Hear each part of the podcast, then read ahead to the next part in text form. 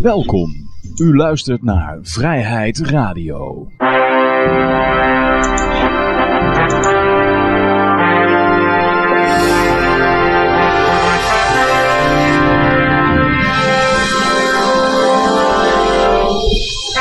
Ja, dames en heren, jongens en meisjes, dit is weer een nieuwe aflevering van Vrijheid Radio. Leuk dat u luistert. We zitten hier gezellig in Café Libertaria met op dit moment uh, Yoshi en Peter. En mijn naam is Johan. En uh, ja, uh, voor degenen die nu via de livestream kijken, je kunt ons tippen via tipbitcoin.cash slash user slash vrijheidradio. Of gewoon naar vrijheidradio.com gaan en daarop de tippen. Oh, hey, nou, dan komt dat binnen. E-gulden EFL is de bitcoin van Nederland. Oké, dankjewel Josje.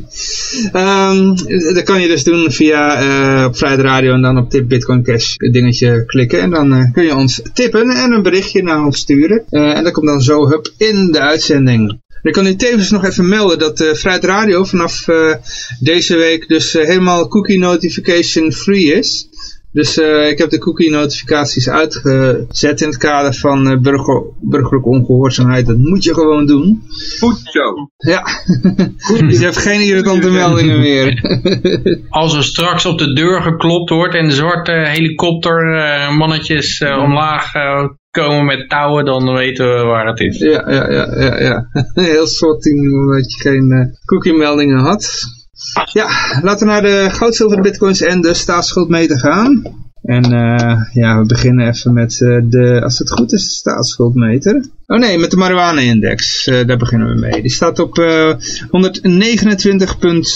ja, en hij is omlaag gegaan, zoals je ziet.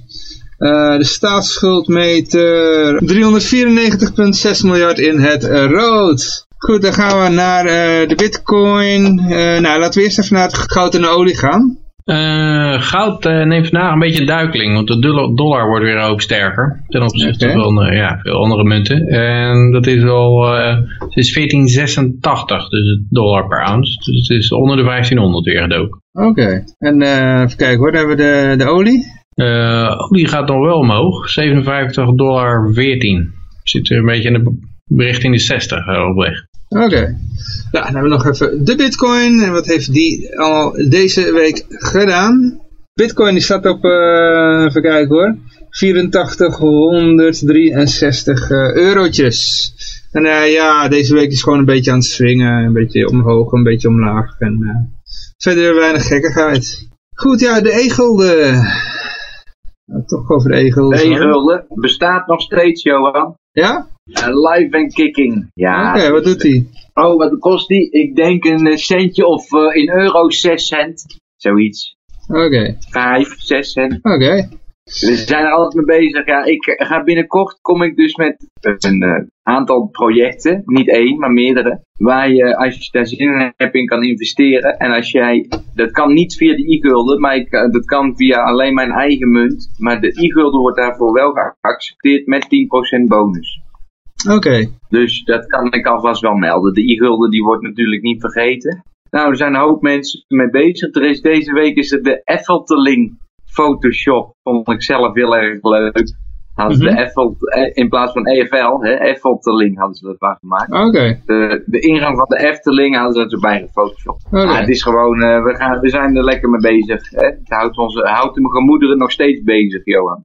Oh, daar kan ik er ook bij zetten. Je kan ze kopen op Altin. Oké. Okay. En verkopen trouwens ook, als je je liever verkoopt. Goed, ja, uh, berichten. We beginnen even met een, uh, met een bitcoin gerelateerd uh, berichtje.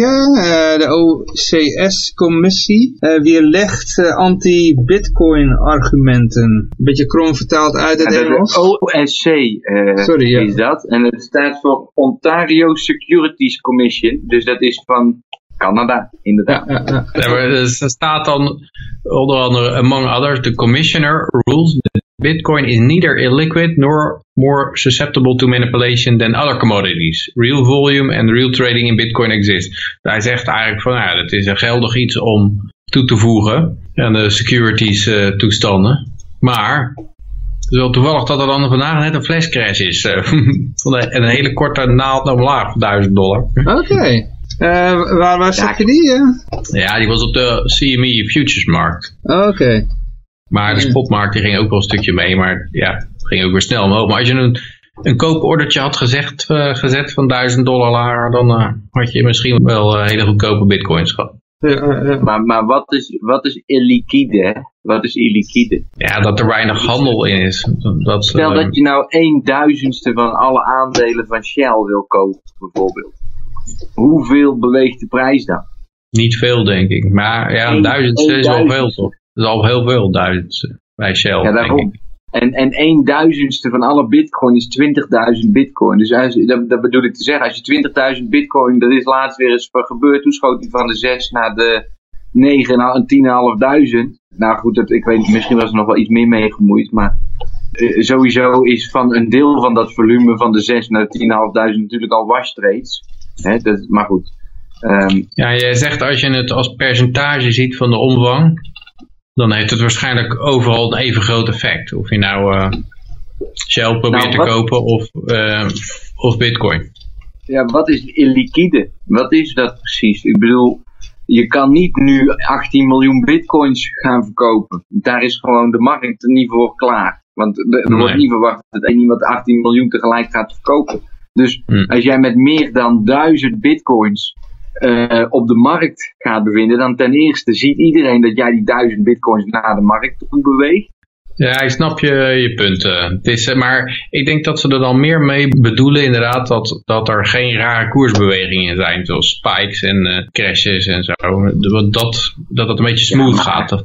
Maar wat is nou de afgelopen week, Peter? Wat is er nou gebeurd? Of was het al twee weken geleden dat hij van de 6,5 naar de 10,5 schoot? En nu Ja, staan dat we er weer opeens op de 40% 9. bij kwam. Ja, en nu staan we weer op de 9. Dus toen is hij van de 10,5 is hij weer naar de 9 gevallen. Dus ja, weet je, en nu, ja, ja, ja. Dus, Geen extreme prijsbewegingen. Dit is allemaal in de, in de maand oktober volgens mij gebeurd. Dus weet je wel, ik vind het nogal wat, denk ik dan altijd. Maar goed. Ja, maar daarom wordt eigenlijk gezegd dat het dan illiquide is, omdat er iemand eh, heel snel de koers eh, ja, kan bewegen. Ja, maar toch denk ik dat het dus wel zo is. Dat het wel eh, illiquide is. Maar dat heel veel van die dingen illiquide zijn. Als pensioenfondsen beginnen te verkopen, dan, donder, dan dondert de koer ook in elkaar. Ja, En zeker bij pensioenfondsen, want die kondigen het publiekelijk aan. En die zeggen, wij gaan over drie maanden verkopen. Nou, dan is iedereen daar alvast vanaf. En dan beginnen die pensioenfondsen nog weer af te bouwen. Nou, ja, het is op de gewo- gewone markt ook best wel eens gebeurd dat je in in de Dow Jones heb je ook een flashcrash gehad. Ja. En ik het begreep dat laatst in de, in Japanse overheidsobligaties. Die zijn zo erg door de centrale bank opgekocht dat er soms een dag voorbij gaat dat daar helemaal niet gehandeld, geen enkele Japanse obligatie verhandeld wordt. Dus dan kan je zeggen, Japanse obligaties zijn illiquide eigenlijk, toch? Nou, dan is er een, een, een eh, laag eh, omloopsnelheid en een, en een laag volume. Maar niet, als je ze wel met miljarden tegelijk kan, eh, kan dumpen, snap je, dan, dan, dan is het de, illiquide is in, in hoeverre dat de beurs het kan, eh, ja, voldoende volume aanbiedt. Niet of het ook gedraaid wordt, volgens mij. Maar we hebben nog een hele berg berichten. Ik neem aan dat we hier alles Oké, over gezegd hebben. Of, eh, Door naar de volgende. Oké, dan gaan we naar het volgende berichtje. Eh, je kan namelijk eh, je salaris laten uitbetalen in bitcoin en, andere crypto's. Het is namelijk, ja, er is even een verkapte reclame voor Bitwage. Dus als je een bedrijf hebt en je luistert nu en je zit in de Verenigde Staten, de Europese Unie, dan kun je daar zeg maar je personeel laten uitbetalen in crypto. Officieel, legaal, zonder gezeik. Maar, ja, dan komt het. Als je even de kleine lettertjes leest, je kan niet het volledige be- salaris betalen in eh, bitcoin. Een gedeelte. Ja, In Nederland is de wet zo dat je altijd het minimumsalaris op je bankrekening moet ontvangen. klopt. En de rest mag jij op een andere manier ontvangen. Klopt. Daarmee zeggen ze dus eigenlijk dat je zonder bankrekening geen baan mag hebben in Nederland. Ja, ja, ja. ja. Klopt. Nou ja, goed. eh, leuk. Ik denk dat we hier verder weinig over kunnen zeggen. Eh, het is eh, leuk als eh, mensen... Nou, denk je dat het veel gebruikt gaat worden? Eh, ik weet het niet. Misschien bij start-ups of zo, eh, weet je wel. Als ze daar dingen in crypto willen doen. Ja, maar waarom niet joh? Ja. Maar ehm hier nog een ander berichtje. Verplichte KYC. Ja, dat was toch al zo? In Nederland gaat die wet op 3 januari eh, door. Ja, kennelijk, kennelijk was het toch nog niet helemaal Op verplicht 10 of zo. januari, 10 januari hebben ze het één week uitgesteld alweer. Oké. voor alle klanten en vanaf ieder bedrag. Dus eh, ik denk dat het nu nog zo was dat je bij bitcoin automaten soms voor onder de 1000 euro wel kon, eh, kon wisselen. Maar dit, zou- dit, dit eh, heeft dan ook weer nadelige gevolgen voor Altilli bijvoorbeeld? Die ging er nogal, nogal soepel mee om. Nou, je moet je, je moet je als cryptobedrijf afvragen of jij een cookie-melding op je website plaatst. En of jij eraan mee wil werken dat iedereen verplicht zijn identiteitskaart moet afstaan. Als ze 50 euro bitcoin willen kopen. Toch? Want dat- dit is een beetje in het verlengde van de cookie-wet, Johan. Ja. Zij kunnen die regel maken. Iedereen die eraan meewerkt, die draagt bij aan het beschermen van hun macht op de manier waarop zij het willen doen. Bitcoin reguleert zichzelf. Als, als er heel veel meer computers gaan minen, dan Oh, op die manier. Ja. Dus je hebt geen regulering van die overheid nodig. Iedereen zit er helemaal om te springen dat het komt. Het enige wat er gaat gebeuren is dat Nederlanders binnenkort, net als mensen uit de Verenigde Staten, worden geweerd van allerlei cryptobedrijven. Omdat ze dan zeggen, ja nee, dat is net, eh, net wat te veel gedoe. Let maar op. Ja, dat gaat gewoon. Het is allemaal uitbreiding van KYC inderdaad. Dat, eh, het is natuurlijk ook al zo dat als jij een gouden muntje wil verkopen bij zo'n, eh, bij straat staat zo'n bus van inkoop goud en zilver, dan moet je ook al je identiteit laten zien en eh, Ja. er zit de ook politie zo mee bij te elk kijken. goudwisselkantoor. Zo, zo werkt Nederland en zo zijn de Nederlanders, die, zijn, die doen daar graag aan mee. Maar in ieder geval, je kan nog gewoon via eh, local.bitcoin.com. Niet localbitcoin.com, maar local.bitcoin.com. Daar kun je nog gewoon zonder KYC eh, met eh, andere mensen eh, ja, valuta omruilen. Met name cryptovaluta, maar ook voor, eh, voor fiat geld eh, omruilen. Dus ik zou zeggen, eh, ga daar gewoon naartoe. Kun je dit allemaal omzeilen. Goed, dan gaan we nog naar het volgende bericht toe. Oh ja, Chinese banken die doen aan Domino Day. ja, ze fokken allemaal laatst, ja. Heb ik laatst iets van meegekregen. Ja, ja, ja, ja. Even kijken hoor. Another Chinese uh, lender bank uh, bailed out after bank run. Dat, is- dat was de vierde, maar ja, ze zullen inmiddels al bij nummer 10 zijn, denk ik. Ja, maar ze hebben vandaag een eh, emergency renteverlaging of een onverwachte renteverlaging doorgevoerd. Hè. Dus het lijkt wel of dat een beetje de principe is van overheden. Ze doen de rente omhoog totdat er één of twee banken omvallen, zoals met Lehman en Bear Stearns. Er vallen er twee banken om en dan ga- gaan ze gelijk weer boom, trappen ze op eh, renteverlaging en eh, dan gaat de geldpers weer aan. Maar als ze, ze, ze verkrappen de geldhoeveelheid net zo lang tot er één of twee banken om zijn gevallen. En dat is nou gebeurd in China, dus eh, ze kunnen weer eh, aan de slag. Mm-mm. In hoeverre is het nou een saai op om al die Chinezen in de bitcoin te krijgen? Zou de overheid er nou zo op zitten te wachten? Ik kan me haast niet voorstellen dat ze daar nou eh, dat ze dat willen. Nou Ja, het is bekend dat die Chinese banken enorme slechte leningen gedaan hebben. Ik hoorde laatst eh, van eh, iemand die in eh, Shenzhen had gewoond en die had daar les gegeven geloof ik. En die woonde in een gemiddeld appartement en dat kostte 2,5 miljoen dollar. Hm. En de, de gemiddelde werknemer die daar woonde, die verdient iets van 25.000 dollar per jaar. Dus dan heb je een enorm aantal keer eh, je jaarsalaris dat de prijs van je woning is. En de enige manier waarop dat bekostigd wordt is als het weer de volgende koper ook weer een bak geld geleend wordt die zo enorm groot is. eh. En ja, maar het staat eigenlijk niet in verhouding tot de waarde van, eh, ja, of, of tot het inkomen van iemand. En eigenlijk tot daarmee tot de waarde van het eh, pand. Dus ja, eh, ik denk dat er zijn een heleboel slechte leningen en dat gaat een keer mis. Ze hebben natuurlijk in alle enthousiasme over de groeiende economie en de bomen groeien tot in de hemel, hebben ze weer enorme bergen krediet neergezet daar. Dus ja, er zitten wel echte problemen denk ik met het banksysteem. Ja, dat, eh, er was ook een bericht, ja, ik heb het er niet in gegooid, maar ik, kan- het wel even noemen nu. Maar dat eh Xi, die had, had vorige week genoemd, dat die Chinese president Xi, die had ehm, blockchain zitten aanprijzen. Maar nu willen ze ook de censuur een beetje omdraaien. Hadden ze censuur van, je mag niet over bitcoin praten. En dat hebben ze op een gegeven moment om, omgedraaid. Nu willen ze alles wat anti-blockchain is. Niet bitcoin, maar echt blockchain.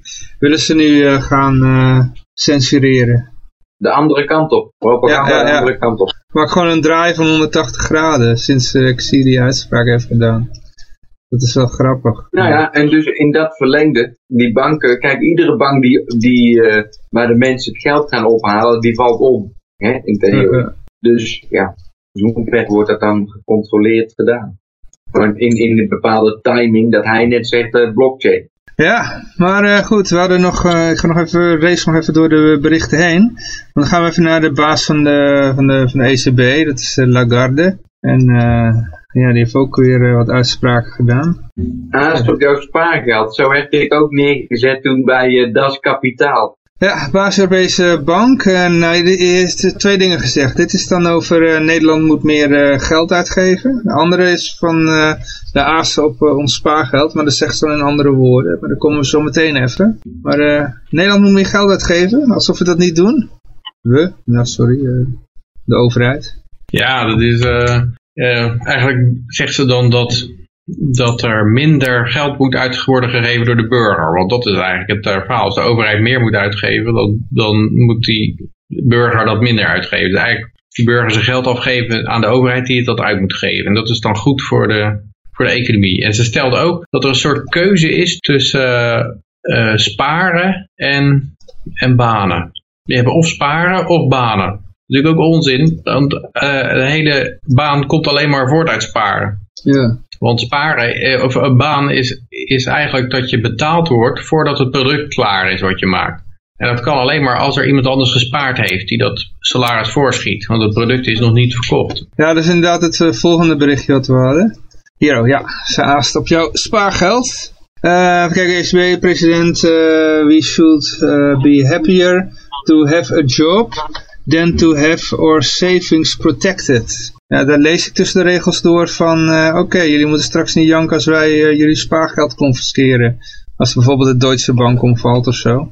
Ja, dat, eh, dat klinkt een beetje ominous. Hé, hey, er komt wat binnen. Komt wat binnen, jongens? Lagarde is slecht nieuws. Lagarde is slecht nieuws. Oké. Nou, eh, als, als zo iemand begint te zeggen, zoals Lagarde, van eh, ja, je moet, je moet je spaargeld behouden, dan moet je niet zo, eh, ja, dan moet je niet zo ontzettend hoog op je prioriteitenlijstje zetten. Je moet gewoon blij zijn dat je een baan hebt. Dat, dat geeft een beetje aan dat je spaargeld on the way out is, heb ik het idee Eh, eh, als het aan haar ligt in ieder geval. Ja, er, er wordt een beetje testing the waters. Er wordt een beetje voorzichtig aan eh, van nou, ga je eens, je ga, we gaan je idee warm maken dat, dat je misschien wel eens je, je geld kwijt zou kunnen zijn. En, en hierbij zegt ze dus inderdaad, we should be happier to have a job than to have our savings protected. Alsof, alsof die twee in strijd zijn met elkaar. En dat is natuurlijk het idee dat zij hebben van ja, als het slecht gaat met de economie en de banen die, eh, die vallen uit de bomen, dan moet de overheid een hele hoop geld gaan uitgeven en banen creëren.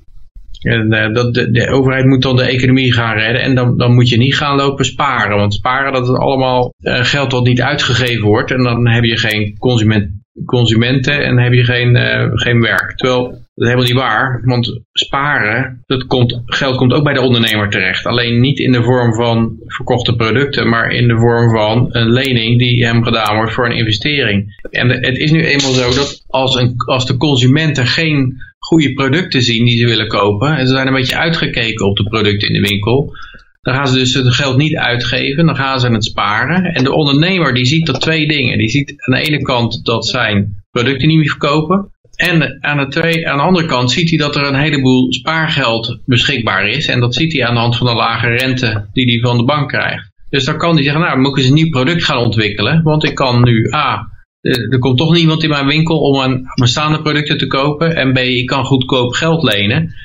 Hij gaat dan dat goedkope geld lenen, dan gaat hij een nieuw product voor ontwikkelen. En eh, als dat dan klaar is, dan kan die spaarder, die kan zijn geld opnemen van de spaarbank om dat product, nieuwe producten te kopen. En dus zo krijg je nieuwe producten, verversingingen. Niet, eh, en wat de overheid meestal doet als zij de economie gaan redden, dat is bestaande bedrijven die eigenlijk producten maken die niet meer verkopen, overeind houden door allerlei subsidies en bail-outs. Want ze denken, ja, als die oude bedrijven weg zijn, dan hebben we, hebben we geen, hebben geen werk meer. Maar dat is alleen maar een creative destruction, omdat die werknemers moeten daar weg, het kapitaal moet daar weg, al het talent moet gewoon naar iets nieuws toe, waar de consument wel op zit te wachten. Ja, maar die, die verplaatsing, wordt dan als te abrupt gezien en die moet gecontroleerd worden. En dat is in zekere zin nu ook een beetje aan de gang, want ons educatiesysteem is nog steeds gebaseerd op het opleiden van fabrieksarbeiders. Terwijl Johan net uh, een, een weeksalaris van Thailand uh, getipt krijgt in Bitcoin Cash. nou, dus op een andere manier, de economie gaat zich op een andere manier vormgeven door, uh, nou ja, natuurlijk moet er nog steeds gewerkt worden in zekere zin. Alleen er zijn zoveel alternatieven inmiddels door al die bullshit, al het, al het helikoptergeld vanaf Ben Bernanke tot aan... Uh, er loopt even een kat door beeld heen, maar stoor je daar niet aan? Super Oh, Mario, God, eh, Super Mario Draghi en weet ik het wat allemaal. Maar ja, het is toch wel jammer, of tenminste, Oké. Oh ja, je hebt een kat, ja. Leuk. Onprofessioneel dit. nou, maakt niet uit. eh, ga door, Yoshi. ja, dat Christine Lagarde dus zegt, op het moment dat we jullie spaargeld eh, moeten uitgeven om iedereen maar tot in de eeuwigheid door te laten werken, dan doen we dat. Nou, en daar word je dan verplicht om je geld af te nemen. Dat moet de directeur zijn van waar jij al je geld in verplicht, wordt ge- ge- geacht jouw geld in onder te brengen. Ja, en het is vaak zo dat ze dan ook bedrijven overeind houden, zoals eh, ja, eh, General Motors of, eh, of ja, staalbedrijven, die eigenlijk geen... En dat doen ze heel lang, blijven dat doen ook. Hè. Dat, ik geloof dat de Amerikaanse staalindustrie dat die al 150 jaar lang subsidies krijgt. En ja, dat is... eh, Er wordt meestal gezegd, ja, het is maar voor even. Dus even door moeilijke tijd heen helpen, want daarna gaan we gewoon weer verder zoals eh, altijd. En het is Ja. nooit voor even. Het is altijd, als, als, als je eenmaal aan het subsidie-infuus hakt, waarom zou je dan ooit nog eh, een wijziging aanbrengen? Nu gewoon meer subsidie vragen. die vrouw kun je dus niet wegstemmen. Die zit daar gewoon. Die, die krijgt een Ja. Jan salaris ook nog. Van iedereen zijn, zijn belastinggeld. En die zegt dus dat soort dingen. Waar je helemaal geen invloed op hebt. Maar wat wel gewoon jouw leven drastisch gaat, gaat een impact hebben. eh, eh, eh, als het dus in de toekomst zover komt dat er een keuze gemaakt moet worden. Is zij wel degene die dat gewoon volledig ondemocratisch er doorheen gaat drukken. En dan zegt, nou, dat, dat vriendje heeft het wel goed genoeg gedaan. Dat vriendje, dat stelde een beetje teleur. Dus die, ja, dit is, moeten we toch, weet je wel, nou, en, en, en, en iedereen die het maar blijft ja knikken, ja, de, de- iedereen, de, weet je wel, de, de KYC-fulfillers, nou, die krijgen allemaal een bonus mee van zo iemand. En op die manier kopen ze de macht Ja. en geweld. Ja, en, maar de vraag is nou een beetje, want het mechanisme waarbij de ECB dat gaat doen, is, is rentes verlagen en negatieve rentes doen. Op een gegeven moment krijg je zo'n negatieve rente dat elk jaar wordt er gewoon 5% van je kapitaal afgehaald als negatieve rente. Dan is een beetje de vraag, wat, hoe gaat de burger hierop reageren? Gaat hij gewoon braaf zitten en zeggen, nou ja, het is eh, jammer, elk jaar 5% van mijn geld weg. Ja, want want eh, ik geloof dat Warren Buffett heeft dat ook wel gezegd van zero is eh, meaningless. Of, of Powell of zo, een van die gasten die had dat gezegd van het getal nul betekent niks. Dus negatief, ja, is gewoon weer een procentje minder. Maar ik denk Wat dat... dat betreft, wat dat betreft, die burger, die, die gaat dus pas in actie komen als het hem individueel treft. En dat geld is bij iedereen, tenminste dit is gewoon een mening, hè. ik bedoel het is niet dat ik nou een studie heb eh, gevolgd, hè, maar de, op het, je ziet het bij die boeren op het moment, of, of bij die bouwvakkers. Op het moment dat het hun treft, dan gaat er iets aan gebeuren. Maar omdat het geld gewoon door niemand begrepen wordt, überhaupt niet begrepen wordt, gaan ze er ook niet tegen protesteren. En dan zeggen ze gewoon, ja, eh, dit is nou eenmaal hoe het werkt. En daar eh, weet Christine Lagarde, die weet dat hartstikke goed, zeggen ze dan. En dan hoef ik er niet over na te denken. Daar ben ik blij mee. Ja, maar denk je niet dat mensen contant geld van de bank gaan halen als het bijvoorbeeld min 5% wordt de rente? Ik heb het idee dat, toch, dat ze dit toch nog wel eens moeilijk in de hand kunnen houden. Want er zijn, er zijn natuurlijk alternatieven. Mensen kunnen bitcoin gaan kopen. Mensen kunnen, ja, je kan goud of zilver kopen. Je kan je contant geld van de bank afhalen. Ik weet het niet Ik of ze dit helemaal in de hand gaan houden. Ik zie het de Nederlanders niet snel doen. Mm. Maar we hadden nog meer... Ja, maar dit, Oh, bij, bij veel van die sorry. dingen, je ziet het, ja, je ziet het, je ziet het niemand snel doen, maar je ziet toch nou, als je de wereld kijkt, er zijn rellen in Libanon, in Chili, in Ecuador, in Griekenland, in, eh, eh, in, eh, in Hongkong, in, er zijn overal rellen. Er komt een bepaald moment dat het net één druppel te veel is of zo. Of, eh, bij, In Chili was het zelfs een openbaar vervoerprijsverhoging van 0,34 cent of zoiets. Echt een belachelijk eh, klein bedrag. En toch was het dat opeens van, en nou pikken we het niet meer, het is afgelopen. Dus eh, ja, het is, het is onvoorspelbare bijna- mensenmassa hoor. Het is bijna Sinterklaas. Mhm. Ja, maar dan gaan we nog even naar de PvdA toe. PvdA's, bestaan nog. Dat zijn van die, eh, die, die, die, die, komen op voor de zwakkeren en wonen zelf in kasten van huizen van een miljoen of meer. Die partij dus, die, ehm, ja, die wil iets doen aan het eh ontsporen kapitalisme of zo. Wat was het ook alweer? Oh, hier. oh. Ja, dit is, eh, ik weet niet, PvdA komt met wet tegen ontaard kapitalisme. Het is een klein, partijtje toch? Wat hebben die te zeggen überhaupt? Eh, nou, dit bijvoorbeeld. Oké. Eh, eh. Het kapitalisme moet weer in het gareel voor de PvdA. De wet moet bedrijven voortaan verplichten niet alleen hun eigen belang na te streven, maar ook aan bijvoorbeeld de samenleving en het milieu te denken. En, ja, dat is wel eh, zeg maar de ouderwetse linkse toestand. Hè. Dat is niet, eh, ja, eh, kinderen moeten met vijf jaar van geslacht kunnen veranderen als hun ouders daar een idee over hebben. Maar dit is weer ouderwetse klassenstrijd en zo. Maar dan voor Maar- mensen die maar- allemaal in, in, in kapitale villa's en uh, herengrachten huizen van een miljoen of meer wonen. Ja, daar kan jij eh, druk over maken, maar er is werkelijk niemand die zich daar druk over maakt. Ik heb al een betaald voor belastinggeld. Die mensen die, die werken niet in een een particuliere heleboel eh, sector. socialistische massabewegingen achter enorme rijke figuren aan zien lopen. Dat maakt allemaal niks uit, ja. kennelijk. Maar hij wil een voorbeeld nemen. Hij heeft het over een nieuwe wet om de uitbuitingseconomie terug te dringen. We hebben dus een enorme uitbuitingseconomie. En, en eh, ABN AMRO die heeft ook eh, zeven klanten verlinkt de afgelopen week, geloof ik, die, eh, die aan uitbuiting zouden doen. Oh jee. En daar hebben ze een bepaald filtertje voor die dat kan detecteren. Bijvoorbeeld als heel veel mensen op hetzelfde adres wonen of zo, dan is er waarschijnlijk van uitbuiting plaat, sprake. Dus je moet een beetje uitkijken als je bij ABN AMRO, als je, als je opeens het raar, een raar bedrag pint of zo, dan kan je opeens voor uitbuiting, uit, uitbuitingspolitie op de deur krijgen. Maar wat ik vooral interessant hier aan vind, is dat... ehm, nou ja, we moeten het algemeen belang meewegen. Dit is natuurlijk al eerder gebeurd. Bij, eh, de- tijdens Den Uil is al eh, het eigendomsrecht in bedrijven opgegeven. Zeg maar, normaal zijn de eigenaars eigendom. Maar nu, toen, toen zijn al allerlei partijen eigenaar gemaakt. Eh, en hij wil een nieuwe rechtsvorm, een rechtsvorm hebben. Een speciale status van een maatschappelijk bedrijf. Dus je hebt maatschappelijke bedrijven en niet-maatschappelijke bedrijven. Deze nieuwe rechtsvorm beschermt ze tegen aandeelhouders die eisen dat ze de kortste weg naar zoveel mogelijk winst nemen. Dus dat is, eh, dat is iets. Maar dit doet me heel erg denken aan, eh, ik weet niet of je daar, eh, ehm, of je, wie, het boek Atlas Shrugged, Atlas Ja, Shrugged wel eens gelezen heeft. Ja. Ja, van de luisteraars dan denk ik. Oké. Maar misschien hebben die het ook al wel. Maar nog niet aan het Rand lezen. Ja, da- maar daar komen ook allemaal van dit soort wetten. Bijvoorbeeld de anti-dog-eat-dog rule en de equalization of opportunity bill. En allemaal van dat soort. eh, but eh, more to the short-term benefit of special interest in government. Dus het is altijd het verhaal van ja, we moeten eh, ja, eh, een algemener belang stellen van het bedrijf. Behalve zijn, eh, eh, het winstbelang. En winst is natuurlijk eigenlijk gewoon. Een bedrijf maakt veel winst als ze veel waardeloze dingen innemen en waardevolle dingen uitspugen. Het verschil daartussen, als, ze, als een groep mensen iets waardeloos in iets waardevols omzet, dan maken ze veel winst. En dat wil, wil Lodewijk Asscher eigenlijk verkopen, want dat is, eh, voorkomen, want dat is heel fout. Eh, want een bedrijf doet het beter als ze hele waardevolle dingen nemen en omzetten in iets waardeloos. Ja, ja, Maar ik ja. moest vooral Nou, aan... nog eh, even zeggen, het is voor zo'n chemiepak veel makkelijker om al die Teflon rotzooi gewoon in de Maas te dumpen. Dat kost helemaal niks.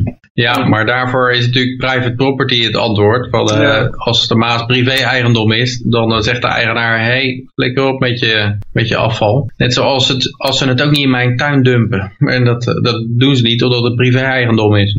Het is zelfs makkelijker, denk ik, om het te dumpen als het publiek eigendom is. Want je hoeft alleen maar even een ambtenaartje een eh, mooi kerstpakket te sturen. En dan, dan let niemand er meer op. Dus jij zegt dan dat de Maas privé-eigendom moet worden? Ja, ja, ja. Ja, alles privé-eigendom. Met zijn, eh, met zijn, en die moet dan de politie inhuren, zijn eigen beveiligingsdienst, om de milieudelicten op te sporen. Ja, net zoals een eh, winkelcentrum, hè, dat is eigenlijk ook eh, privé-eigendom. De wegen, ook de paden die er tussen de winkels lopen, is allemaal privé-eigendom. En het winkelcentrum, de eigenaars die zorgen dat het schoon blijft en dat het veilig blijft. En die huren daar allemaal mensen voor in. Naar raad over hoe benodigd dat is. Eh, Zoals er, als ze veel problemen hebben met criminaliteit, zullen ze meer beveiliging inhuren. En zo zal de Maas-eigenaar dat ook doen. eh. En die heeft daar echt zijn eigen geld in zitten. Dus die, eh, die, die heeft daar veel meer belang bij dan de overnaar, die, overheid die opeens zegt... Wij zijn eigendom van de Maas. En wij bepalen nou wat er ingedumpt mag worden of niet. Die hebben er geen cent aan besteed. Die hebben er, die hebben er, ja, die hebben er geen cent in zitten. Dus waarom zou die wat uitmaken? Nou ja, oké. is Zie je, ook goed, is ook goed, is ook Zie je meer Ik over, probeer het af en toe gewoon. Als je hier Ja, meer over, leuk. als je, als je hier meer over wil weten, google gewoon eh, Tragedy of the Commons. eh. Ja, Walter Blok heeft er ook wel over geschreven. Over eh, ja, deze eh, vormen van eh, privatisering van, eh, van zee en land en zo. Ja, maar eh, dan gaan we even naar minister Grapperhaus. Even kijken, wat heeft deze grappenmaker allemaal te stellen? Hij wil in ieder geval toegang tot jouw eh, gesprekken op eh, WhatsApp en zo. Ja, en Dan hoop ik niet dat hij een Apple-telefoon heeft, want dan wordt het allemaal gecensureerd. Maar hij wil alleen maar meekijken, toch? Ja, en, maar als je een Apple-telefoon hebt, die censureert dat allemaal. die doet dat Ja, zelf dat is weer een heel verhaal. Heel een verhaal. Laat maar zitten. Maar het is natuurlijk, hij wil WhatsApp en Telegram, Ram wil hij eigenlijk een backdoor op hebben. Ja. Eh, omdat daar eh, wordt kinderporno in gedeeld, denk oh, hij. oh, jongens. Ja, ja, en je vraagt je af hoe hij dat weet. Dat zegt de minister Ver, eh, Vert. hey, Vert Grebberhout? Ja, hij is vet. Fred? Ja, hij is vet. Vert? Ja, Dat is een rare naam. Moeder was dyslectisch. ja, ik denk, ik denk het ook, ja. Het spelfout bij het... eh, Dit is Virgie. Virgie. Nee, het is Ferdinand eh voluit. ja.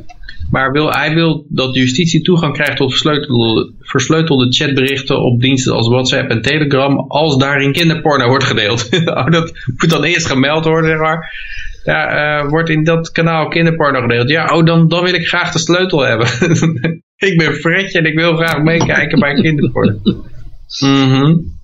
Ja, ja. Het punt is natuurlijk dat die, die apps worden opgezet zodat die bedrijven die sleutels niet hebben. Ja, maar in Groot-Brittannië, die liggen al voor, die hebben dat ook al geëist. En uiteindelijk heeft WhatsApp natuurlijk een hoofdkantoor. En dan kunnen ze naartoe gaan en dan zegt de overheid gewoon van, eh, ja, fix het maar. Eh, want eh, anders gaan jullie allemaal de gevangenis in. En ik geloof dat ze dat in Groot-Brittannië al voor elkaar hebben gekregen. Dan gebruiken we weer een andere appdienst. Nou ja, dat is het hele rare. Dan moeten ze dus inderdaad die sleutels wel gaan hebben. Moeten ze een backdoor gaan inbouwen. En dan krijg je binnen no time krijg je dan 60 overheden die allemaal vinden dat ze toegang moeten hebben om kinderporno te bestrijden. En als 60 overheden een backdoor sleutel hebben, dan is het gewoon helemaal open eigenlijk. En wordt het totaal onbruikbaar. Want de kans dat, dat er binnen 60 overheden dat daar geen datalek plaatsvindt binnen, binnen nou, zeg eh, drie weken, die is bijna nul. Het is net zo groot als dat er op een dag geen kinderporno meer gemaakt gaat worden. ja, zoiets, ja. Maar ik vind het dan wel een beetje raar, want er was eh, laatst, wat was er nou, dat er vormfouten kwamen, een aantal eh, mensen die van pedofilie eh, verdacht wa- waren of veroordeeld werden, die kwamen weer op vrije voeten. Demming. Ze willen waarschijnlijk dat Demming toegang krijgt tot de sleutels. Ja. Doris Demming. Die moet, eh, die achterdeur, eh, de achterdeur moet in kunnen. Joris moet de achterdeur in. ja. Oh jee, ik denk dat deze chatgroep ook eh, binnenkort eh geënterd wordt. Ja. Maar hij zegt, wat ik graag zou willen, is met grote internetpartijen om de tafel en zeggen, luister, we gaan het nu zo regelen dat wij in ieder geval, als er sprake is van verdacht verkeer, toch een toegang kunnen krijgen om te kunnen zien wat er zich precies afspeelt. Ja. Maar ik denk wat er gebeurt is dat, er, dat ze dat gewoon niet bij gaan houden. Want je krijgt steeds nieuwe chatberichten of chatdiensten. Je krijgt waarschijnlijk dingen die via blockchains gaan lopen of zo eh, versleuteld. Dus eh, dat... eh, Ja, ik, ik denk dat het er niet eens om de kinderporno te doen is natuurlijk. Hè? Bedoel, Nee, natuurlijk niet. Het gaat alleen maar om, excuus. om, wet, om witwassen en drugs eh, lui plukken. Ze willen gewoon, eh, het gaat om geld uiteindelijk. Dat is, eh, Nou ja, politieagenten als, die als, gewoon het, hun als het ex... om eh, kinderporno ging, hadden ze Demming wel gedumpt. Ja. En ook hoe dat eh, politieagenten die eh, hun ex eh, willen bespioneren. Ja, dat soort dingen ook, ja. Er stond er ook de Telegram kanalen bij waar het nou om ging dan. Het, eh, het vraagt een vriend van ja, dat was de, die E- de Telegram-kanalen- EFL, eh, EFL Telegram groep. Daar wilde hij speciaal toegang toe hebben. Want hij, hij vond het heel verdacht wat daar allemaal in eh, plaatsvond. Ja, ja. Ja. Nee, het volgende bericht. eh, het Waddenfonds, jongens. Nou gaan wij het krijgen. Wat? Het Waddenfonds. Dat heb je inderdaad. En Wat? die- Wat? met een D, hè? Wat met een D. Wat voor fonds? Nou, het was niet zomaar een fonds, want eh, ze gooiden honderden miljoenen euro's over de balk. Het, eh het Waddenfonds eh, kreeg 800 miljoen euro subsidie van het Rijk. Oh, dus moet het wel heel belangrijk zijn wat ze doen. Projecten die daarvan zijn gefinancierd, zouden nooit zijn... eh, eh, Hadden ze wel Lieberland, hadden ze Lieberland wel kunnen mee kunnen bouwen met dat geld. je kan in, in de Waddengebied kan je misschien een Lieberland maken. Dat verdwijnt dan op geregeld. Maar bij App Ja, en Vloed verdwijnt dat dan weer. Oef, Dus Lieberland is ook een soort wat. Wat? Ja, als, er hoog, als de Donau hoog staat, is dat nog steeds Lieberland? Of, eh? Nee, dus Lieberland is dan voor een derde is Lieberland weg. Dat is een soort Atlantis, zeg maar. Ja, Dat is global warming. Elke keer kun je het weer opnieuw claimen. Mhm. Ja. Nee, goed, eh, in ieder geval, eh, na- naar, eh, projecten zouden gefinancierd zijn die nooit zijn gemonitord of geëvalueerd. Ja, ja, dat zijn dus de mensen die graag een backdoor willen hebben. Ja. Om de wereld te redden. ja. Ja. Ja, het is toch wel weer knap. Er wordt, talloze projecten werden niet gemonitord of geëvalueerd en provincies konden over hun eigen aanvragen beslissen. Dus ja, kennelijk was het gewoon, eh, werd het geld gewoon rondgestrooid aan, aan allerlei vriendjes hier en daar die een of ander, eh, die wel een projectje konden gebruiken. Die wel een, een, eh, ja, een opstekertje verdiend hadden. Doet me een beetje denken aan dat andere dingetje wat je had, hè? het lesbopad, kunnen we dat nog herinneren? Lesbopad? Nee. Ja, dat was ook zo'n, eh er gingen ook echt miljoenen in om. En dan denk je van, oh die leggen paden aan, waar lesbiennes elkaar eh, konden ontmoeten. Dan denk je van, nou er worden daar paden aangelegd. Nee, er waren al bestaande wandelpaden. Eh, wat Er werd een bordje waar die- bijgezet. Ja, nee, ook niet. Er werd ook geen bordje bijgezet. er werden speltjes uitgedeeld. en daar gingen dus miljoenen naartoe. En dan moet je afvragen, hoeveel lesbisch zijn er dan? Eh, zijn die speltjes dan van goud of zo? Nee, het waren ook gewoon hele goedkope speltjes. En er werden vrij weinig van afgenomen, maar er gingen miljoenen naartoe. en die konden dan, die lesbiennes konden die speltjes dan op hun jas doen. En als ze dan over zo'n wandelpad liepen, en ze, en dan zag een andere lesbienne met zo'n speltje, dan konden ze met elkaar in contact komen. Alsof ze nooit van Grindr hebben gehoord of Tinder. Dat hij dan piep piep ging te doen of zo. Ja, nee, ook niet. Het was gewoon een speltje. Een roze driehoekje, net zo'n, eh, Een roze beter driehoekje. zo'n dubbel dildo om hun nek heen vinden. ja. Dat zou het ook duidelijk maken. Nee, natuurlijk een roze, zo'n- roze driehoekje. En je Een weet dildo in hun mond over het wandelpad lopen. Dan weet je, weet je ook wel eh, wat voor vlees je in de kuip hebt. Denk Ja, ik. eh, eh. Nee, ik ga de Godwin Maar, eh, erin go- gooien. Hè? Ik bedoel, de, de, de roze driehoek. Je weet toch waar eh, dat vandaan komt? Teletubbies. Nee, Ja. de nazi's. ja. Een gele ster. ja, dat is voor de Joden. Maar de, de homo's die eh, naar de concentratiekampen eh, moesten, die kregen een roze driehoek. Ja? Ja, daar komt het vandaan. Ja, dus eh, de Godwin Dat is niet. gevallen. Ja, Dat is een beetje voor de ja, ja. ja. luisteraar. ja. Maar dit was ooit opgeroepen ter compensatie van eh, gaswinningen. Voor de, omdat ze zo ontzettend veel te lijden hadden van die Die gaswinningen. zeehonden die werden helemaal geschikt door de aardbevingen daar. Maar ja, een groot deel van het geld is dus verspeeld. En men heeft totaal, weet totaal niet waar het naartoe gegaan is of zo?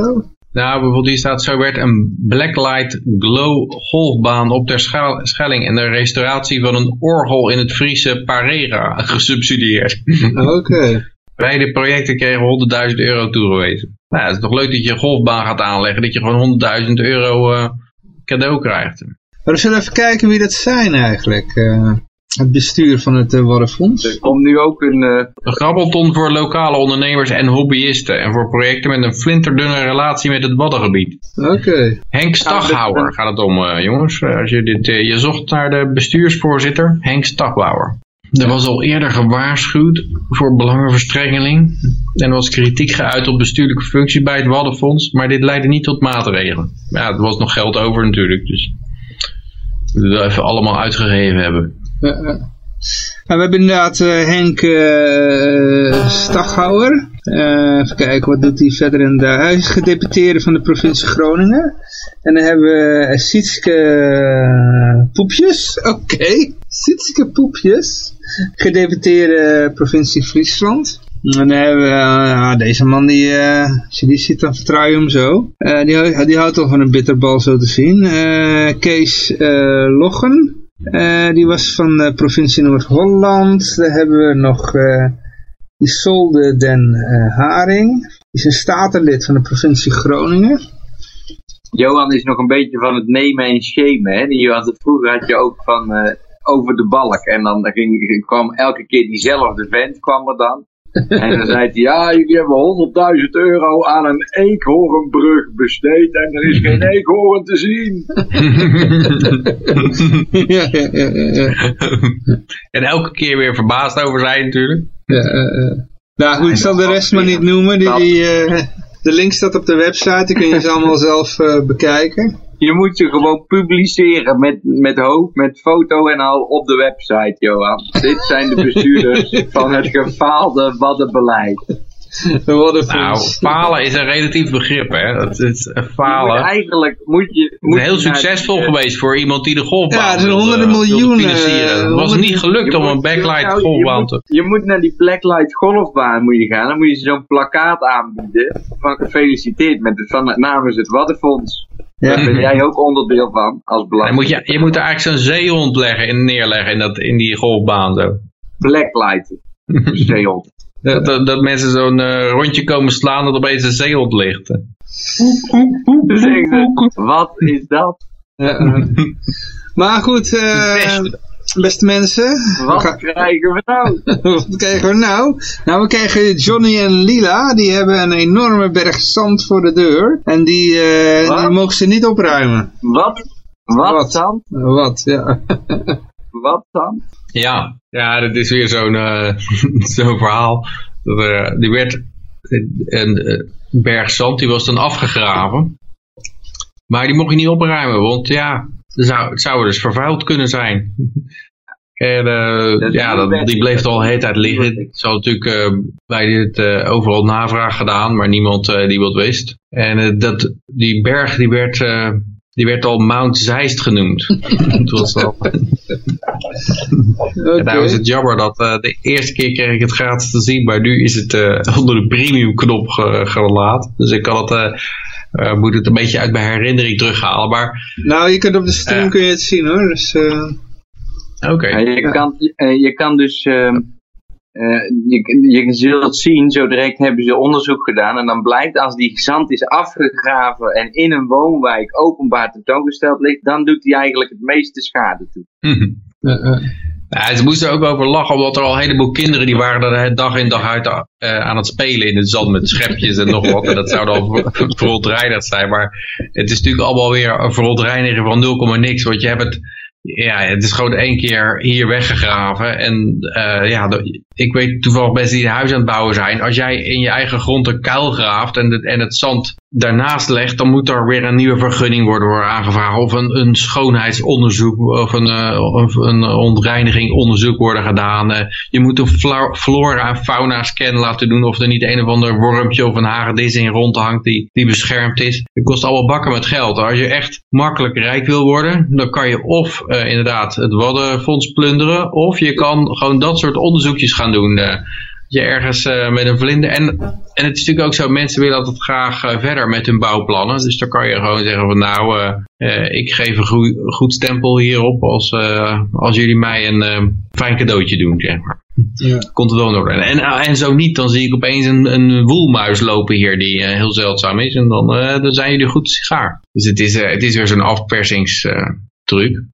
Ja, maar ja, we gaan nog even verder. Defensie gaan we nu naartoe. Oh ja, die willen nepnieuws gaan uh, uitproberen. Ik denk het was zo succesvol bij de Russen. Dan moeten wij het ook doen. En desinformatie als wapen van uh, de toekomst. Ja, net zoals de EU die ook eh, een trollenleger heeft ingehuurd. Om, eh, en Hillary Clinton had het erover, over een leger van techno-experts. Die moesten dan de publieke opinie gaan beïnvloeden. En het is ook gebeurd dat eh, een bedrijf in Londen, die zijn betrapt bij het maken van fake onthoofdingsvideo's. Dat is natuurlijk ook een beetje raar. Maar dat, was dan, dat is dan altijd bedoeld, net zoals de, als dat de politie in drugs handelt, om echte onthoofders op te sporen. Dat is dan altijd het verhaal. We gooien een spieringje uit om een grote kabeljauw te vangen. Dus dan, uh, ja, het excuus, dat moet je dan maar geloven. Maar het lijkt wel heel erg op, op propaganda. Ik denk dat het, uh, dat het heel leuk wordt als de krijgsmacht, uh, als de Nederlandse krijgsmacht gaat proberen net. Ik denk dat je het heel snel kan spotten namelijk. denk dat dat... Uh... Ja, maar ik vind het wel weer hypocriet. Dan lopen ze wel met een vingertje van naar Rusland, want die zouden dat ook gedaan hebben. Maar ja, harde bewijs hebben ze nooit geleverd, maar dan gaan ze het zelf ook doen. En dan is het op ineens Hey. oké, weet je wel. Ik, ik zat bij Shell en een vergadering en uh, Poetin die was aan het praten en die zei dat hij gewoon een hele oude Sovjet-Unie weer wilde veroveren. Dat was ook een Nederlandse minister die dit zei. En toen zei ze van uh, Shell, zeiden ze van, uh, nou, dat is helemaal nooit gebeurd. dus als de minister zelfs nepnieuws verspreidt, ja, dan, ja. Dat was Blok, hè, toch? ja, zijn naam ben ik even kwijt. Ja, volgens mij was het Blok. Maar hij is weer terug, die, die was weer terug laat. Die, die ging, moest weer een ander klusje klaren. Volgens mij was de VVD'er, ja. Ja, onkruid vergaat niet, hè. Zeker niet in de politiek. Volgens mij ging die het stikstofdebat of een stikstofdossier Nee, nee, nee, nee dat was een ander. Dat, die, die, was, uh, die had lopen liegen over, of tenminste iets in de doofpot lopen doen van uh, asielzoekers, uh, crimineel gedrag van asielzoekers. Oh ja, ja. ja. Ja haal ik door de war Ja, die andere is nog niet terug dan, denk ik. Deze was terug, ja. Het is toch wel raar. Als ze daar falen, dan, dan mogen ze uiteindelijk, krijgen ze gewoon een andere post, weet je wel. Ja, maar het geeft aan dat er geen gebrek is aan nepnieuws vanuit machtscentra. Nee, nee, nee, we wachten nog steeds op het bewijs van Ollongren. die had toch ook overal nepnieuws gezien? Oh ja, tien Russische sites of zo, wat was het daar? Er waren gewoon vertalingen van Nederlandse informatiesites, omdat door bezuinigingen ja, waren die ja. Nederlandse informatiesites in het Russisch niet meer bereikbaar. ja. En er was zelfs een standpunt, een Nederlandse site die, die uh, kritisch over Poetin was. Die was gewoon vertaald in het Russisch. Oké. Okay. En dat was ook aangemerkt als, uh, nepnieuws van Poetin.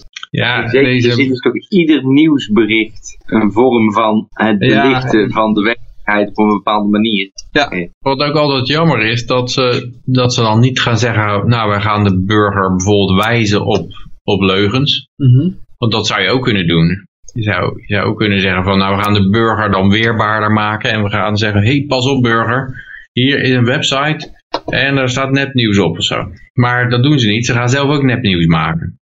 Uh, ver, ze, verplichten, na, ze verplichten na wel... landmanoeuvre met eenheden op het land kregen we in de 20e eeuw de air maneuver.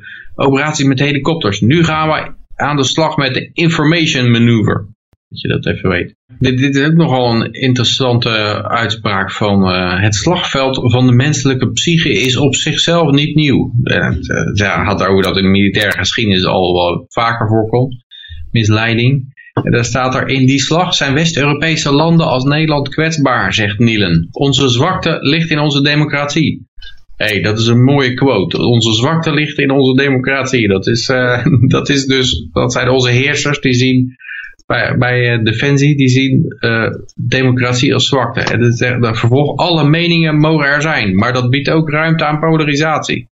Zij uh, zegt eigenlijk, ja, we moeten misschien eens heroverwegen dat al die meningen er mogen zijn. En die democratie moeten we misschien ook eens heroverwegen. Want je wil geen totalitaire Poetin natuurlijk hebben. Het, uh, dus in de strijd tegen een totalitair regime gaan we ons eigen regime totalitair maken. Nee, ik ga voor u bepalen wat u moet vinden. het, is, het is onbekend of Russische trollenfabrieken al aan het stoken zijn in Nederland. Bijvoorbeeld via het Zwarte Pieten debat. oh, er wordt al van uitgegaan dat het via de Zwarte Pieten Ik zie Poetin al met een heel leger trollen. Oké, okay. Hoe gaan we Nederland aanvallen? Uh, ik denk dat we dat het best kunnen inzetten op het Zwarte Pieten debat. ik denk dat we die hele samenleving gewoon helemaal finaal in twee kunnen splijten in Nederland. Als we goed op die Zwarte Pieten inhamelen. Maar goed, de Defensie is natuurlijk hartstikke goed in eh, van alles en nog wat. Uh, nou kregen ze een paar nieuwe straaljagers, uh, ja tenminste, gekregen. ze hebben een paar nieuwe straal, straaljagers ontvangen, F-35, oftewel de Joint Strike Fighter. En hoe ging dat allemaal? Ja, hij liet niet helemaal goed af. Okay. Ja, ze gingen hem, ze wilden hem met water bespuiten bij de onthaal. Maar er zat geloof ik per ongeluk een verkeerde slang op of zo. En er kwam er uh, blusschuim uit. Oké. En dat zou corrosie kunnen veroorzaken. Dus nou moest hij eigenlijk gelijk, uh, gelijk geïnspecteerd worden. Oké. En waarop sommige mensen al zeiden van nou, dat is makkelijk verdedigen tegen zijn straaljager. Je moet gewoon op blus, blusschuim erop spuiten en dan is hij gewoon uitgeschakeld. Nou, het Poetin het ook. Op het moment dat de fout werd ontdekt is het toestel direct schoongespoeld. Oké, met uh, ander blusschuiven. Wel de goede sprong aangesloten, niet het zoutzuur. Mhm. ja, ja. Snel die schuimslang eraf, per ongeluk de zoutzuur. Of brandstof gewoon zo. ja, het, is, het heeft natuurlijk weer enorm berg geld gekost. En het is een, een schaap met vijf poten dat eigenlijk niks kan. Want het, uh, ja, ze hebben een compromis willen maken waar alles in zat. Maar dat betekent dat hij te snel is voor uh, uh, land support en niet uh, genoeg range heeft voor bommenwerper en niet wendig genoeg is voor fighter. En, dus hij kan eigenlijk niks. Alleen het enige wat hij kan is een hele hoop geld kosten en dat gaat dan dat van jouw zak in hun zak. Ook de bedoeling dan, hè? Ja, dat is de, de end goal van dit soort projecten. Gewoon dat het duur moet zijn en, en ja, verkopen moet opleveren die je anders niet zou doen. Ja. Dat is ook niet erg. uh, nou ja, het, het, het, het, Trumpje, sorry, het hondje dat uh, Trump uh, tweette, zeg maar, dat was het hondje dat had iets gedaan. Even kijken. Oh ja, die had El Baghdadi opgespoord. en daar was een Nederlander, Nederlandse hondentrainer die herkende hem. Ja, ja, dit is wel weer belachelijk. Dat, dit is die, de leider van, van IS doodgeschoten, die, die Baghdadi. En ik geloof dat zijn zus en zijn vrouw ook gelijk gearresteerd zijn. Zijn hele familie die is gelijk opgerold. Uh, maar wat er gebeurde was, is dat Trump die stuurde een tweetje uit van, uh, oh wat een heldhaftige hond. En, en dat, uh, die foto van het tweetje, ik weet niet of je die kan laten zien in de stream ja, ook. Dat is kan van, even, even erbij halen. Dat is uh, van Trump die de, een medaille omhangt om zijn hond. ja, hier hebben we En, uh, ja. Ja, dit is alleen de hond. Nee, je moet even ja, die, nee, uh, komt, die... Uh, je moet even geduld hebben. De stream loopt hmm. altijd een beetje achter. Uh, ja. ja, dit is de origineel. en dan een stukje verder naar onderen. Ja, ja, komt ie, komt ie, komt ie. Um, ja, in de, ja. de stream loopt hij een ja, beetje daar, achter. En dat is hem inderdaad. En, uh, en het ding is gewoon overduidelijk gefotoshopt. die is, uh, ja, was een originele foto van een Vietnam-veteraan die een, die een uh, medaille kreeg uitgereikt voor ja, dat hij door de, door de kogels om zijn oren liep en zo ergens in Vietnam. En Trump had die foto genomen waarin hij die medaille omhangt. En dan had hij daar een hond overheen geplakt. Nou, dat had Trump en, niet gedaan hoor. Dat had iemand anders keer, nou, ja, uh, die had dat gedaan. En hij heeft dat Trump junior heeft dat waarschijnlijk gedaan. nou, gewoon iemand die, en, uh, die, die kan photoshoppen, die had dat gedaan. En hij heeft dat eruit gepikt en getweet. Ja, ja en, en, en die medaille hangt er ook zo'n zo'n hondenpon onderaan. Die is ook vervangen. Zo'n zo zo hondenpoot zit er onder. En ja, de lol is een beetje, een beetje dat, ah, die foto werd herkend door een Nederlandse hondentrainer, zeg, hé, hey, dat is mijn hond. En de Nederlandse media springen daar gelijk bovenop van, uh, oh, Nederlandse hond vangt al-Baghdadi. en dat, dat ging natuurlijk al mis. Maar daarna komt de New York Times, de paper of records, en die gaat dat lopen factchecken. Die gaat, die, die haalt die foto erbij en zegt, wij hebben er nog eens goed naar gekeken, maar dit uh, blijkt gewoon uh, fake Photoshop te zijn. dit wel, je moet zo lachen, dat kan. Hele, het hele schandaal werd nou over deze tweet. En het hele feit dat Baghdadi vermoord was, dat, uh, dat was helemaal naar de achtergrond. Want weer een leugen van Trump is ontdekt door de New York Times. terwijl, ja, Als je die foto Fake ziet, ja, het is zo overduidelijk een Photoshop. Het, dat, eh, ja, het is, eh, het is ongelooflijk hoe die, eh, ja, hoe die, die, die Trump-figuur, Trump derangement syndrome, mensen reageren op, op hem. Het is echt frappant. Bij elk, elke keer lijken ze wel weer in te trappen.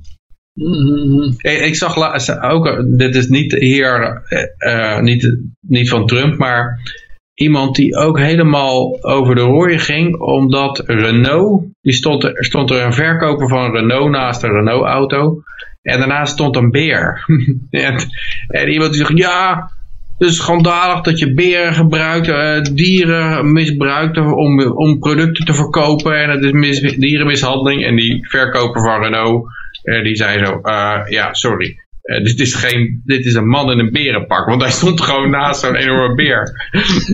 Ja, dit is geen echte beer, dit is een man in een berenpak. Maar op een die mensen die, die raken zo over de, over de rooien, zo impulsief zijn ze gelijk geraakt, emotioneel, dat ze, dat ze gewoon niet meer nadenken over, van, ja, waar kijk ik nou eigenlijk naar? Staat er echt een vent naast een beer? Nee, dat is onwaarschijnlijk. Dat is, dat is een vent in een berenpak. Ja, ja. En dat is hier ook bij. Als je gewoon drie seconden gekeken had naar die foto, dan, dan had, je, ja, had je het niet gedaan. eh. Ja. Je, Of had je, dat, had je er niet een heel artikel over geschreven om het te factchecken. Ja. En toen, toen daarna kwam natuurlijk de verontwaardiging. Dat deze man, die had zijn leven op het prijs gesteld voor zijn vaderland. En door Trump is hij nou vervangen door een hond. Eh, dat, was, dat was het vol- volgende schandaal. Oh. En toen gingen ze die vent vragen. En die moest er gewoon hard om lachen. Die zegt, ja, dat is leuk. Goeie grap. Ja. Ja, dan kun je nog gelijk nog even vertellen dat eh, dat bericht dat, je, dat er net niet ingekomen is. Maar dat je over scientists die vinden dat we baby's moeten vermoorden. Dat vind ik wel een mooie afsluiting voor het programma. Het is een beetje een negatieve afsluiting. Nou, we zijn toch al op die tour. Mensen die zich druk maken over iemand in een berenpak. ja, maar deze, deze lui die zijn dan wel wat serieuzer. Ja. Ik zal het artikel er even bij pakken. Maar ik, vond, ik had het artikel doorgelezen. Ik vond wel dat ze het een beetje ver, eh, ver doortrokken dit. Het kan ook van een troll Want eh, komen nou, er zijn dan 11.000... Hm? Het kan ook van een troll komen. Nou, ja, dit is Bloomberg, Bloomberg die eh, plaatste dat artikel van eh, dat er 11.000 wetenschappers zijn en die zeggen we hebben de oplossing voor global warming, just kill billions of people. Maar ik vind die titel een beetje eh, vrij, eh, vrij vertaald. Ik, kan niet, eh, ik heb het een beetje doorgescand. Maar wat zij willen is population control. Eugenetics. net als- Gewoon dat, dat mensen van een bepaald ras, die mogen zich dan niet meer voortplanten. Zoiets. Ja, dat zou je kunnen doen. Ja, Ja, het is hey, rustig aan. Het is geleidelijk. Het is eh, voorzichtig aan wat minder. eh. Ben, jij neger? of eh, heb jij je universiteitsdiploma niet? Nou, dan mag je jezelf niet die, voortplanten. die, die, die, Een hoogopgeleide, die planten zich meestal niet zo gauw voor, toch? Maar goed, Josje, wat wil Maar je je zeggen? kan wel... Oh, nee, ik zeg het niet gek. oké, oké. Peter? nou, je, je moet wel zien bij dit soort dingen dat, dat eh, meestal beginnen overheden in het buitenland het eerste doen. In arme landjes beginnen ze het eerste doen wat ze later bij jou gaan doen. En, en wat, ze, wat je ook vaak ziet is dat ze met dieren eerst doen wat ze met jou gaan doen. Dus ik weet nog wel dat die koeien in de Nederlandse wei allemaal zo'n geel label in hun oor krijgen. Kregen om ze te identificeren en te trekken en goed in de gaten te houden. En toen zei iemand al van, oh, dat, dat, dat krijgen mensen zijn de volgende eh, stap daarin. En met die population control, het is natuurlijk al gebeurd. Nou, bijvoorbeeld China heeft die, eh, steriliseert die moslimvrouwen in, in die concentratiekampen die ze hebben. Ja, de Maar is wel- kindpolitiek, hè? Ja, en kindpolitiek inderdaad. Maar het is ook in de Filipijnen gebeurd dat ze daar mensen gingen vaccineren. En dat vaccin dat was dan besmet en al die vrouwen zijn gesteriliseerd. Hmm. En je kan je afvragen of dat een, een ongelukje is. Of dat ze gewoon dachten van nou we hebben een beetje te veel mensen hier. Weet je wat, dat lossen we zo op. Hmm. En eh, ja, er gebeuren wel veel van dit soort ongelukjes. Dus ik, eh, ja, ik, maar Oeps, Bill Gates ook, die wil geloof ik naar, naar 3 miljard mensen terug. En dan moeten er inderdaad uh, moeten er een paar miljard dood. En de, de Georgia Guidestones, die hebben ook zo'n uh, ideaal over hoeveel mensen er maximaal op deze aardbol mogen rondlopen. Ik bedoel, Bill Gates, die wil dan gewoon minder uh, Windows klanten hebben eigenlijk. Zegt, dat zegt hij dan. Ja, ik heb te veel klanten. ja. ja, hij wilde, hij wilde ook met vaccins wilde die het dan gaan uh, terugdringen. Want ja, zijn redenering daar dan over is, is niet dat vaccins nou direct mensen doodmaken, wat misschien ook wel zo is, maar het idee is dat als ouders kunnen vertrouwen dat ze hun kind blijft leven, dan nemen ze er geen twintig, maar dan nemen ze er maar twee. En dan groeit de bevolking minder hard. Want die twintig kinderen nemen ze alleen omdat ze niet zeker weten of ze niet allemaal doodgaan. Maar met vaccins hoef je daar geen enkele zorg over te maken. Dus dan, uh, dan zou dat uh, ja, dat, uh, dat zou dan vanzelf tot bevolkingsaantallen. En je moet zeggen, oh, het is wel overal zo dat je de bevolkingsaantallen ziet teruglopen. Behalve in Afrika. Maar geboortecijfers zijn uh, on the way down. Dus dat is wel, ja, maar, uh, het is een trend. Ik denk niet dat het door Bill Gates komt, maar het is een trend. Ja, maar dat, dat, dat, was in Nederland vroeger ook zo. Dat, dat, dat idee dat, dat mensen veel kinderen namen omdat ze niet wisten wat een condoom was. Of omdat uh, de, de helft maar overleefde. Dat was ook niet altijd waar. Het was, de kinderen waren ook een oude dagsvoorziening. Hè? Ja, toen, toen hadden heel veel mensen hadden geen pensioen. Maar die hadden wel heel veel kinderen die dan als ze later zelf oud waren, die zorgden die kinderen voor hun. Snap je? En uh, zo zie je dat ook vaak in... Ja, dat is wel het verhaal wat je er altijd over hoort, ja. Uh -uh. Ik weet niet of dat zo was, maar, de, maar je hebt natuurlijk een hele snelle veranderingen erin gezien. Ik weet dat Italië had enorm hoge geboortecijfers, want de paus die kwam langs of de, de pope en de, de, de priester, en die zei van, hé, hey, uh, meer zieltjes, uh, kan er niet wat ja. kinderen bij komen. Uh En toen die druk eenmaal weg was, toen kreeg er de, de, de bevolkingsgroei van heel erg hoog, alleen heel erg laag. Italië is een van de laagste in Europa. Mhm. Dat denk ik ook, als jij een paar generaties lang heel veel druk op de ketel hebt om veel kinderen te produceren en je haalt die druk weg, dat, dan, dat je dan een soort tegenreactie krijgt. Dat er heel veel mensen in de genenpool zijn verdwaald geraakt die daar eigenlijk niks te zoeken hebben. En mhm. die, eh, die denken, nou dit is mijn kans, nou, uh, nou geen kinderen meer. Want het is toch altijd, wat niet mag, dat is aantrekkelijk. Dat is altijd een beetje het idee natuurlijk. En wat moet, is onaantrekkelijk. Ik denk ook de, de komst van de pensioenen en zo, dat allemaal dan verplicht werd. En uh, hebben mensen ook zoiets van, ja, maar waarom zou ik nou veel kinderen produceren? Ik heb mijn pensioen, weet je wel. Ja, toch denk ik dat je uiteindelijk aan een pensioen heb je niet zoveel als je... Nee, dat, dat weet ja, je. Hebt er... ja, maar dat is alleen, zelfs als je pensioen wel goed zou kunnen regelen. Uiteindelijk, als jij, als jij 80 bent, dan kan je niet eens je eigen financiën meer, uh, meer regelen. Of je belastingbiljet invullen. Of uh, ja, ik heb, het, ik heb dat ook gezien met mijn ouders toen ze oud werden. Dat het, die hebben eigenlijk gewoon kinderen nodig. Of je moet aan, uh, gezond zijn en met een hartaanval uh, uh, omvallen. Ja. Maar als jij aan het eind een keer een beroerte krijgt of een hersenbloeding of je, je breekt je heup of zo, dan heb je echt niks aan, aan een, een check die in de deur valt. Ja, ja.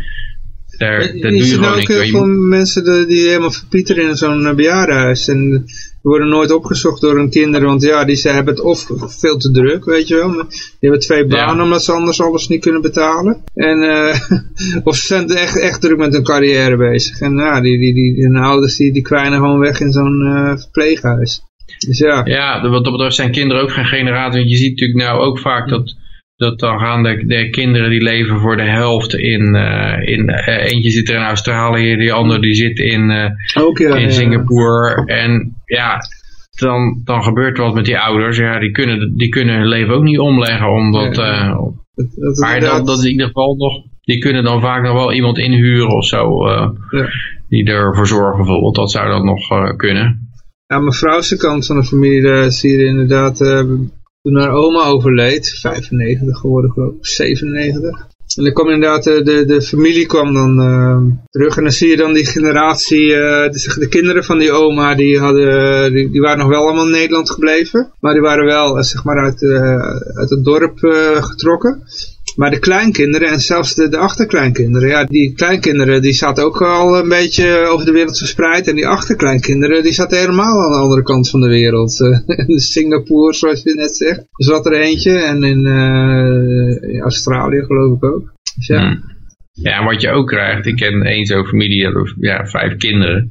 Mm -hmm. En eh, zodra ze succesvol, financieel succesvol waren, dan waren ze Nederland uit vertrokken. Want Ja, dan, ja. dan eh, dus wat je overhoudt zijn ook eigenlijk alleen de, ja, de losers waar je, waar je eh, waar een ouder niet zoveel aan heeft. eh. Maar de, officiële de ja. uitspraak van deze elk- 11.000 experts, Mhm. die, dat is dat er population control moet komen, which must be stabilized and ideally gradually reduced within a framework that ensures social integrity.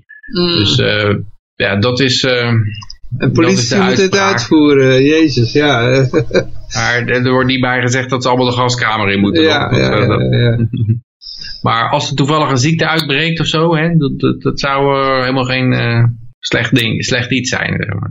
Hm. Volgens deze mensen, denk ik. En die Je vraagt complottheorie... je af eh, waarom ze dan zo voor inenting zijn. Hè? Dan moet je eigenlijk juist...